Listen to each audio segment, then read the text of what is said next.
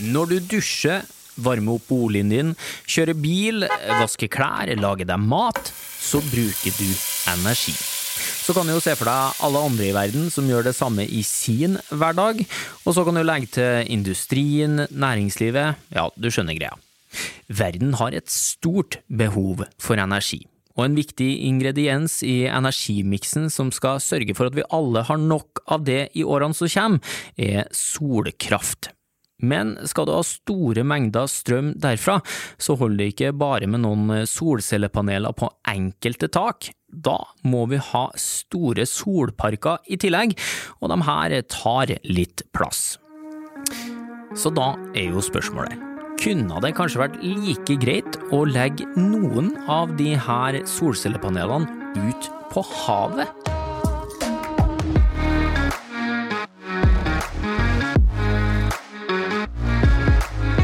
Hører podkasten Smart forklart med Aksel Faanes Persson.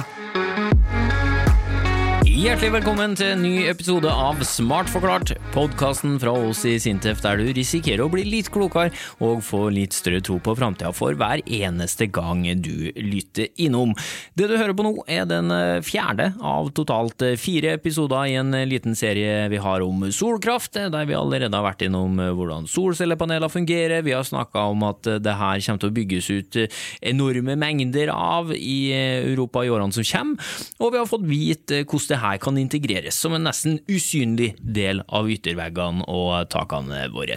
Og nå skal vi da bevege oss ut på havet og til solcellepaneler som flyter, altså eh, såkalt flytende sol. Og for å snakke om det, så har vi et aldri så lite comeback i studio fra Vegard Haksnes og Hagbart Skage Alsos. Velkommen tilbake.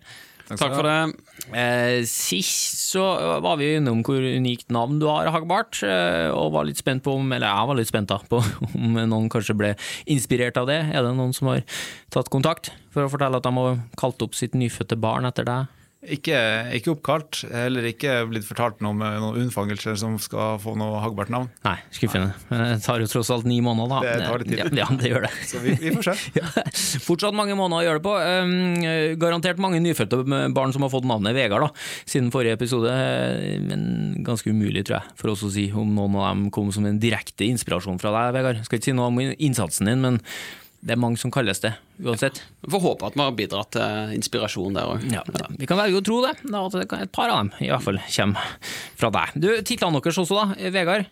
Jeg er forskningsleder. Hagvard? Fortsatt uh, seniorforsker, ja. og nå ser jeg på deg, Vegard. Ja, du, du, du som har hvilken stilling han har? Ja. ja. Ok, Nei, men vi kan snakke om det etterpå. Eksperter på å holde ting flytende, dere i hvert fall. Eh, hvorfor skal vi, bare for å hoppe rett ut igjen nå, hvorfor skal vi ta solcellepanelene ut på vannet? Nei, altså, hvis du ser på jordkloden, så er det ganske mye vann eh, og stort havareal. Nå sier vi ikke at vi skal bruke hele havarealet, altså det, blir jo, det blir jo litt mye. Men, men, i mange tilfeller så har du et, en utfordring med, med landareal og bruk av landareal. Så, så klart eh, flytende sol eh, er en løsning på, på, akkurat det. I tillegg så har du andre elementer med, flytende sol som, som, kan være attraktive, men bl.a. at du, eh, du, kan legge egentlig hvor som helst på, på vannspeilet, så lenge at du tåler bølge, strøm og vind og alt det her. Ja. ja. Ja, det er muligheter. Hvis man ser på et kart, så er som du sier, det er en del blått der. da. Det blått. Så det er muligheter. Men snakker vi da alle typer vann?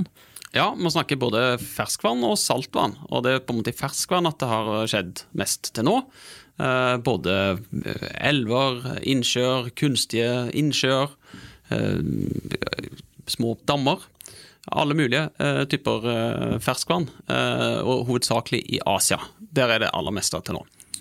Uh, og det er, det er der mesteparten av teknologiutviklingen har skjedd til nå. Og i, på ferskvann i Asia så er dette kommersiell teknologi. Nå ønsker man flere steder i verden å flytte den type teknologi, eller utvikle ny teknologi, for å kunne ta i bruk andre områder, f.eks. i saltvann, hvor du har mer bølger og vind og, og, strøm, som gjør at teknologien må bli litt annerledes enn den man har hatt i, i, i ferskvann og innsjøer. Den må tåle mer, rett og slett. Mm.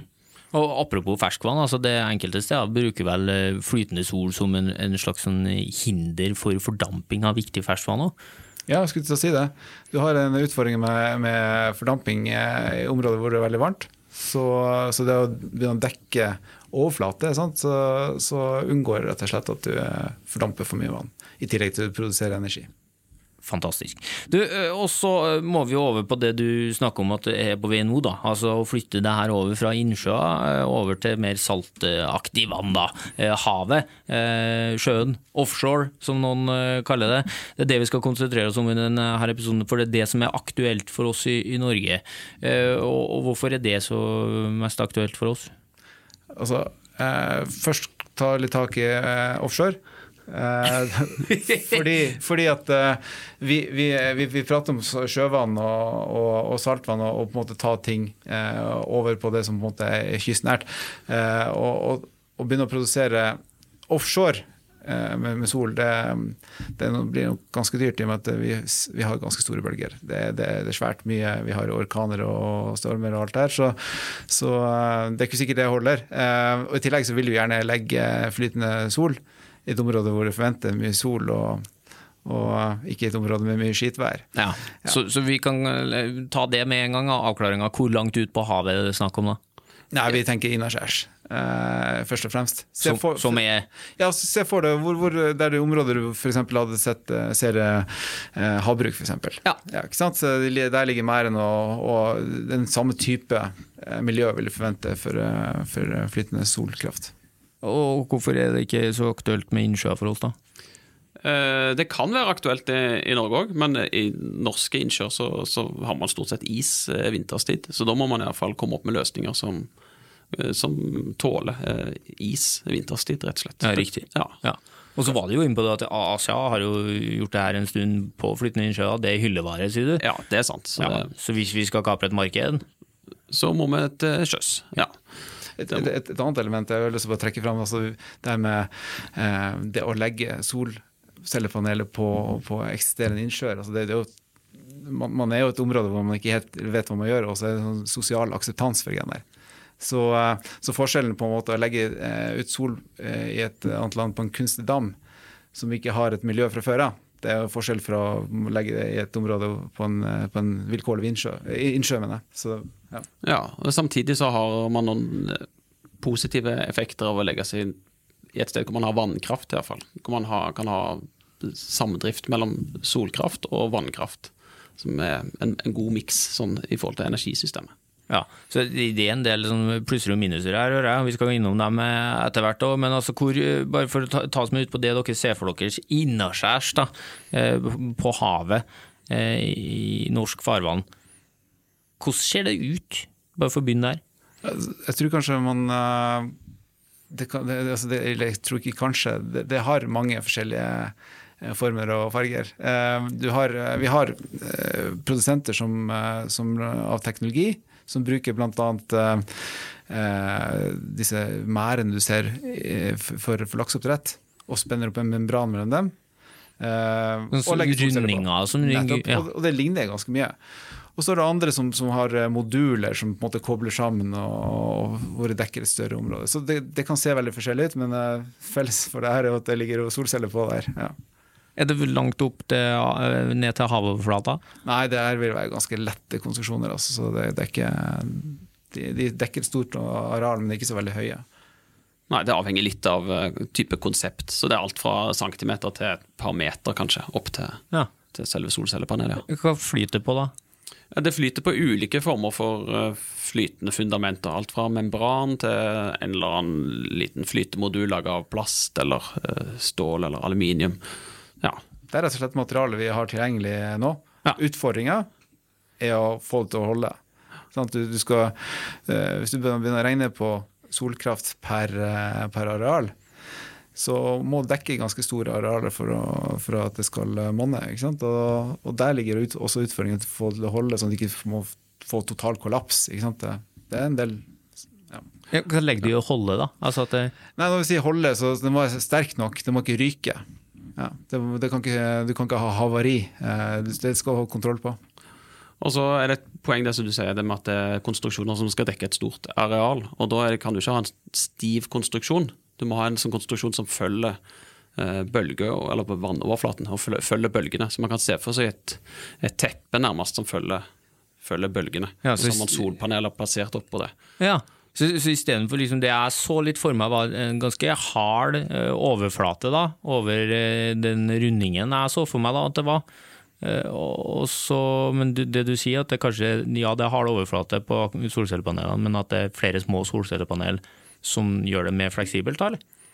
Ja, eller solcellepanelene de er ikke fleksible i seg sjøl, de er stive. Men det de ligger oppå, eh, det kan være fleksibelt. Sånn, ja. Ja. Ok. Og du kan se for deg et, et svært puslespill. Ikke sant? Eh, Hvor hver brikke er en modul. Bortsett fra at istedenfor at de henger sammen i hverandre, så er de kobla sammen med, med hengsler. Sant? Og så, så de ligger og følger og rir bølgene. Ok. Ja. Ja. ja, men det er spennende. Eh, Er det litt sånn eh, Hvis jeg skulle ha parkert bilene mine i nærheten av eh, sjøen da, hver dag, så hadde jeg blitt litt sånn eh, spent på om den hadde tålt sjøvannet som hadde spruta opp på den. Og det her skal ligge oppå sjøvannet. Elektronikk, det materialet her. Eh, hvor- Hvordan tåler det her rust og salt, da, som ofte er en følge av sjøvann?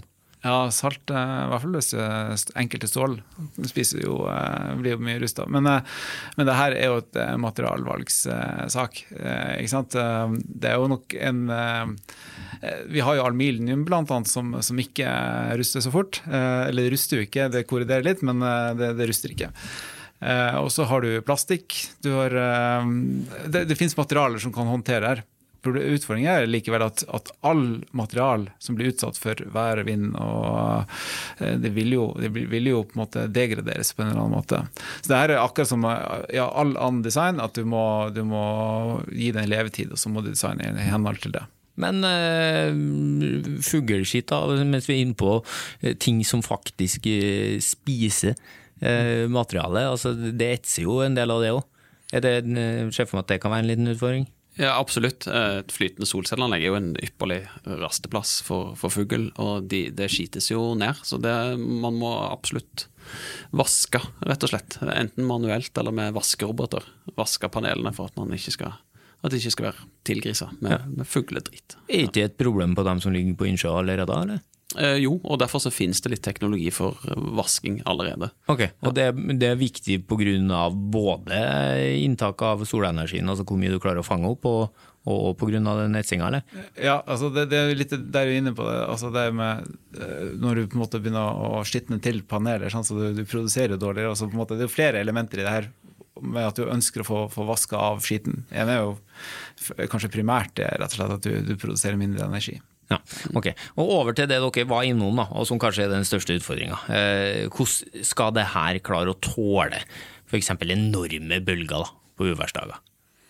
Ja, det er jo det, Da går man jo til hvordan man designer det, rett og slett. Og hva man gjør når man skal designe en flytende konstruksjon. Og da handler det om å forstå hva type miljø, hva type bølger, vind og strøm som det blir utsatt for. Og så må man forstå hvordan konstruksjonen beveger seg når, den kom, når bølger kommer inn. Eh, Og det er jo akkurat det vi eh, forsker på til, til daglig. Så det, det jobber vi med både med å utvikle beregningsverktøy, altså simuleringsverktøy, eh, for å kunne simulere hvordan de oppfører seg i bølger. Da tar det ut i det havnebassenget vi har eh, i Sintef, Ja. som er et gedigent basseng der vi kan simulere svære bølger. Ja, så vi gjør en kombinasjon, da, vanligvis. Men vi gjør både eh, altså penn og papir-type beregninger. Vi gjør beregninger på PC, og så støtter vi oss veldig på eksperimenter i, i f.eks. i havbassenger. Ja. Men hvordan skal man klare det, da? For de bølgene kommer jo, hvilke løsninger har vi? Ja, Så lenge man vet hvordan, hvordan de beveger seg, så vet man også om hvor store krefter uh, ulike koblingselementer er nødt til å, å ta opp. Så da må man lage gode design for det, som, som tåler de kreftene som det, det vil bli påført. Da. Og så vil jeg bare påpeke at det, ja, det skal forankres, og så, det, det er jo et viktig element i det her. Du skal holde det på plass, men og, eh, de, store, de kreftene du får i koblingene, har jo også litt med å si hvor, hvor ofte du forankrer disse modulene. ikke sant? Så det er også et viktig element.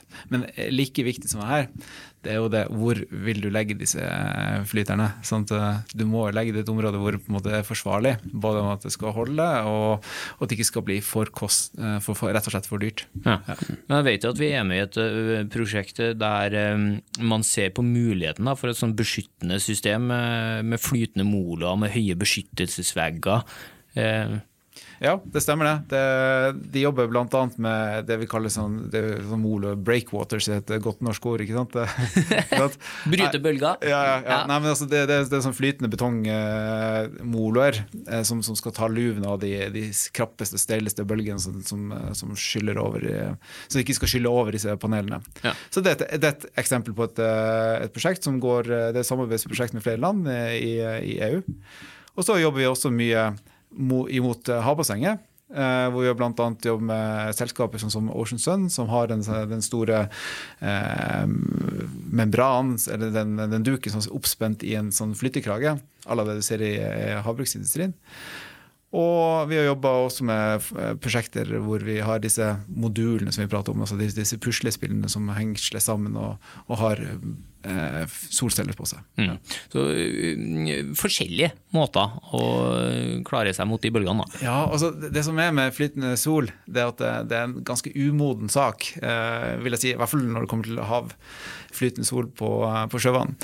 Og, og, det ser vi også på en måte i, i, altså, eh, i det her med regelverk. Altså Når man designer noe og bygger noe, så skal det standard, jobbe mot en standard, gjerne. Og Der ser vi altså at det er en ganske umoden standard. Vi, jo, vi har jo prosjekter også, bl.a. Med, med Veritas og en del andre, eh, hvor vi utvikler regelverk for eh, flytende sol på, på, Kanskje da retta mye mot, eh, mot eh, litt smulere farvann. Men må man prøve å sette det her litt mer i system, så skal man faktisk mulig, altså få til en, en park til syvende og sist. Ja, For det er ingen som har fått til det her i nordiske forhold ennå, eller?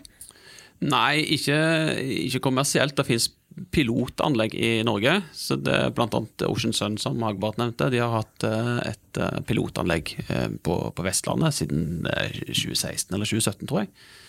Uh, og det fins uh, flere planer. Både på, på, Frøya har det vært en del snakk om en, en, uh, en prototype, og på Grenland har det vært snakk om prototype, prototype og, i, og, i, Drammen. Så det, det fins flere plasser hvor man ønsker å teste ut flytende solkraft òg i Norge. Da. Ja, men vi er bare i startfasen, altså. Absolutt. Ja. Ja, det, hvor stort er potensialet her, da, hvis norsk industri lykkes med, med å kapre en del av markedet? Ja, potensialet er litt, litt vanskelig å, å, si, for det er ganske ulike prognoser på, på hvor stort flytende uh, sol uh, vil bli. da.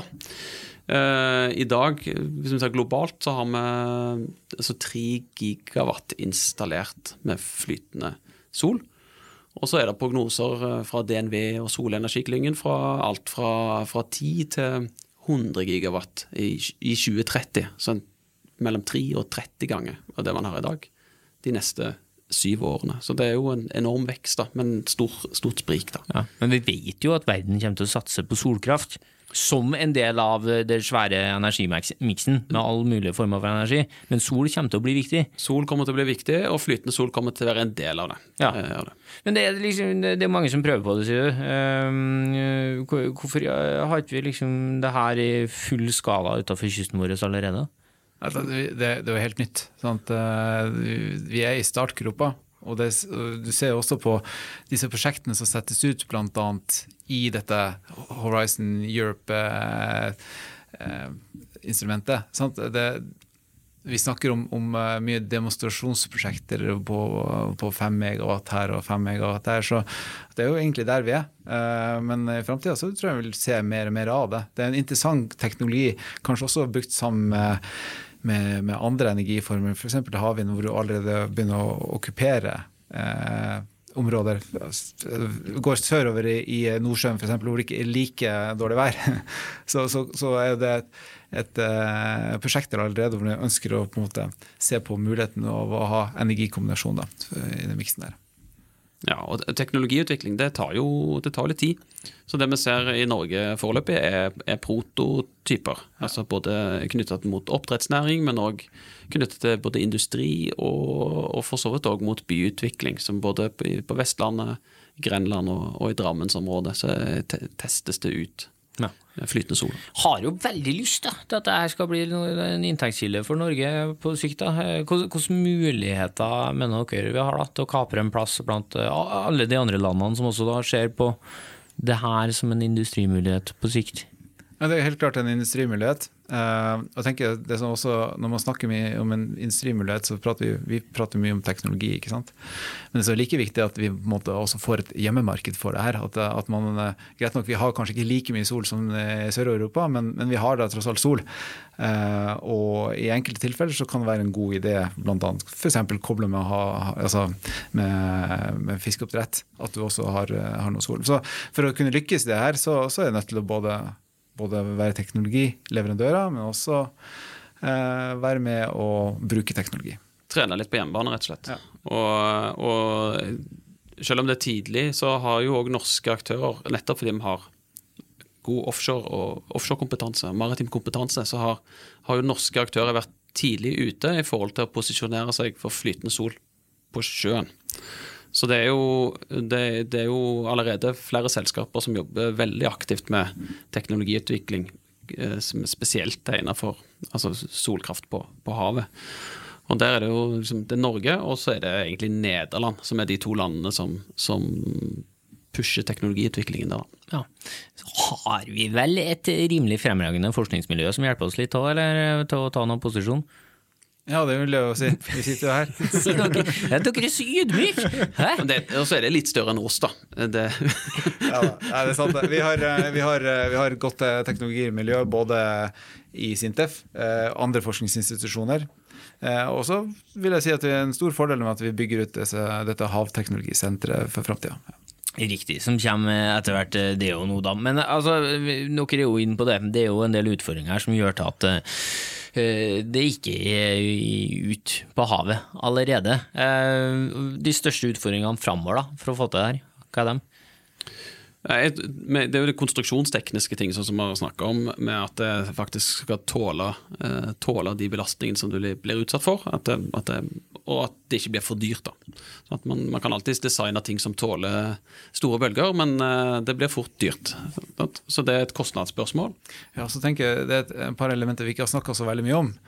Annet med si, naturmangfold. Altså, du, du, vi, det har jo ikke bygd, blitt bygd store områder som, som fyller eh, eh, altså, altså vannspeilet.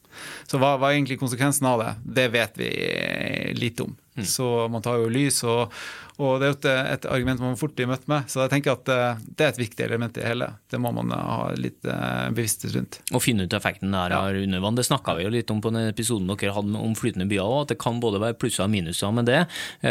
Sollyset kommer jo da nødvendigvis ikke igjennom til det livet nede i havet som trenger sollys, samtidig som det kan bli en plass for koraller, tang, tare det er også en ting til. Eh, jeg tenker, Vi, Vi snakker om naturmangfold her, eh, men vi har også, som, som alt annet, du, du, tar ut areal. Så du har også muligens andre arealkonflikter når du begynner å fortrenge ja, andre næringer, f.eks.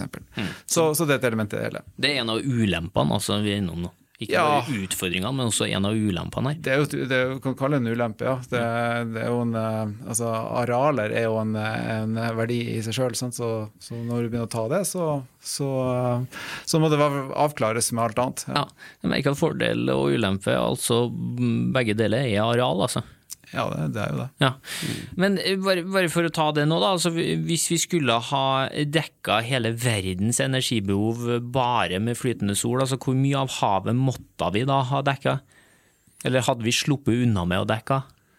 Det er et litt sånn hypotetisk spørsmål, i og med at vi vil jo aldri dekke hele verdens energibehov med flytende sol. Men hvis man skulle gjort det, så hadde man trengt eh, størrelsesorden to ganger Norges landareal.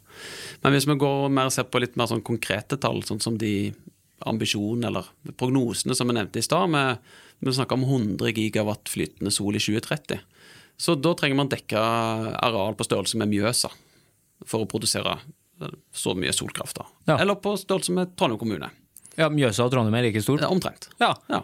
Eh, og, og, Grunnen til at du sier at vi aldri kommer til å dekke hele verdens energibehov med bare flytende sol, er fordi at det er aldri sol hele tida. Sånn og så er det en variabel eh, kraftkilde, sånn at du, du, må ha andre ting i tillegg. Du må ha, ha noe som kan balansere det. Ja. Vi trenger både vind, vann, sol Andre energiformer. Ja. Skjønner. Ok, eh, du, et par sånne ting som jeg bare må innom òg. Vi snakka om eh, fugleskitt, vi snakka om eh, bølger. Eh, Hvordan unngår du at de her eh, rundingene med solcellepanel oppå flyter bort? Da må man eh, bruke forankringssystemer. Så man eh, fester de i sjøbunnen, rett og slett, med, med tau eller med en kombinasjon av tau og, og, og kjetting. Ja.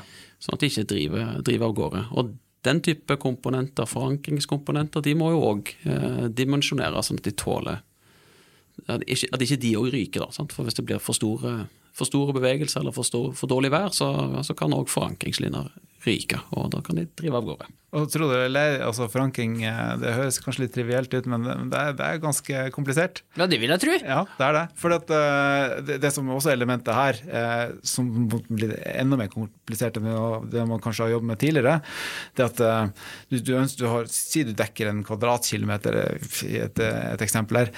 Du kan jo ikke ha et tilfelle hvor, hvor, hvor ankelinjebrudd f.eks. gjør at hele systemet rives i to. Eh, det er, en, det er en, eh, en kaskadeeffekt du ikke, ikke, kan ha. Så, så det, det, er et, eh, det, er et, kjempespørsmål det greiene, hvordan skal du best løse det. Så får sikkerhetsnivået godt nok. Ja. Og, og, det finnes jo hendelser allerede i dag. Selv på, på innsjøer hvor man har hatt hele flytende solanlegg som har havarert pga. vind, f.eks. Så ja. vinden har tatt tak i anlegget og bare klappa det sammen nærmest som et ja. trekkspill. Ja, nærmest. Ja. Skruis, nesten. Da. Ja. ja. I all verden. Ok, mm. Så det er jo en ting som må løses. da. Også Hvordan får vi strømmen inn til land, da? Hvis det her legges et lite Jeg skjønner at dere vil ha det innaskjærs, men det er jo et stykke inn til land for det? Ja, du må ha kabel. Du må ha kabler, eh, og du må også ha substasjoner som kan eh, omforme til et format som lar seg transportere ut. Hva mener du med det? Nei, det er også du, eh, Når du produserer sol, så, så produserer du like, like strøm, og med ganske høy spenning, og så må det på en måte omformes til et eh, format som kan tas opp på nettverket. Vi er på tynn is her, altså. ja, jo, men altså, bare for å prøve, eh, Sånn som jeg forsto deg nå, så er det altså sånn at eh, den strømmen vi får ut ja, av de solcellepanelene, må gjøres om til en type strøm som stikkontakten min tåler. Er det sånn? Ja, ja eller kraftnettet, i hvert fall. Kraftnett, ja. kraftnettet og, og, og, og, det her er ikke unikt for, for uh, flytende sol. Altså, det må du ha på havvind òg. Men vi er fort over på, på disse podkastene til, eh, til Sintef Energi og, som, og tidligere podkaster. Som jobber med akkurat det greiene her. Det er bare å høre seg opp i det store arkivet til Smart forklart. Eh, med andre ord, søk på strøm så får du svar på mye av det du lurer på der. Eh, og så skal jeg Men kanskje du har du ikke lyst på mer detaljert spørsmål om det der, Hagbart? Er det sånn å forstå? Uh, ikke strømteknisk. Jeg tror, jeg, jeg, tror at uh, det her kan man fort gå seg si feil. Ja, du er tross alt ekspert på flytende ting, og det skal du forholde deg til å, å, snakke om. Skal jeg ikke lokke deg ut på noe, noe annet. Men du, det, altså, da skjønner jeg. Det her er liksom Det er veldig tidlig fase nå. Altså det finnes flytende sol som fungerer veldig godt eh, på innsjøer. Og så er det en utfordring med å få det over på havet. Mye av vær og vind, da, skjønner jeg. Det er det, og det er jo fint for oss, for det er det vi forsker på. Ja. Så, det, så, kompetansen som vi og våre kolleger eh, har, den er nyttig for å kunne utvikle flytende sol, sånn at det blir en teknologi som kan brukes i, i, i, grovere sjø, rett og slett. Ja, Men det er jo mars 2023 i snakkende stund akkurat nå. Hva må vi gjøre for å lykkes med det her, for å få det til at det ikke bare er noe vi snakker om at det kanskje kan bli noe av? Jeg tenker enig, er jo det, på det som foregår på forskningssida, men eh, det må også være politisk vilje til å, til å pushe her igjennom. Det, vi er helt avhengig av at, at, vi har et eh, som jeg om tidligere, at vi har et hjemmemarked, at det er noen som ønsker å bruke i Norge, og at vi får, eh, må ha lisenser eh, i norsk farvann hvor det her blir tatt i bruk. Ja, og husk på at sol, til og med sol, i Norge så er sol på land og tidlig. Ja. Vi har hatt en enorm vekst bare de siste åra, fra nesten ingenting til, til litt. Du ser jo forskjellen bare i Sverige, på, Sverige og Norge. Ja, på, på, på Sverige har ti ganger av det Norge har installert solkraft på, på land. da. Interessen må opp, rett og slett. Ja. Men, også, vi kan si skjerpings her. Ja, full skjerpings. Men er det, er det sånn at vi risikerer å bli slått av andre land? Ja, det er jo andre òg. Jeg nevnte jo Nederland kanskje spesielt, da, som et land som har mye av den samme kompetansen som vi har på, for offshoresida. Og som også som, som, jobber, som, jobber, ja, som har både forskningsmiljøer og teknologiske miljøer engineeringsselskap som jobber med, med flytende solkraft som, som, teknologi, og økt økt, for, for økt bruksområde for den. da. Ja, Men da kan ikke dere to bli sittende her noe mye lenger. Altså. Da må dere komme dere tilbake. Forske litt mer, finne noen løsninger. Kan ikke vi ha avtale om det? Og så kommer dere tilbake når det her er klart. Det skal vi. Ja, vi er, vi er i gang, vi. Det er bra, og tusen takk da for at dere snakker om eh, nok en gang Vegard og Hagbart. Veldig hyggelig å være her. Tusen takk. Tusen takk eh, også til deg som hører på oss. Det er jo helt nydelig at du er en del av eh, Smart forklart-familien. Som alltid er det lov å spre ordet om oss til alle du kjenner, så får vi kanskje da spredd enda litt mer framtidshåp til enda flere der ute. Fersk forskningsstoff fra oss i Sintef det finner du akkurat når det passer deg på sintef.no, gemini.no, Sintef-bloggen, eller ved å følge oss f.eks. på Instagram. Vi er jo et av Europas største uavhengige forskningsinstitutter, så det finnes alltids noe snadder å dykke ned i der. Og så er nye episoder av Smart forklart på vei ut til deg om ikke så altfor lenge. Og vent litt, ja, fram til da skal forskerne her i Sintef fortsette å utvikle teknologi for et bedre samfunn.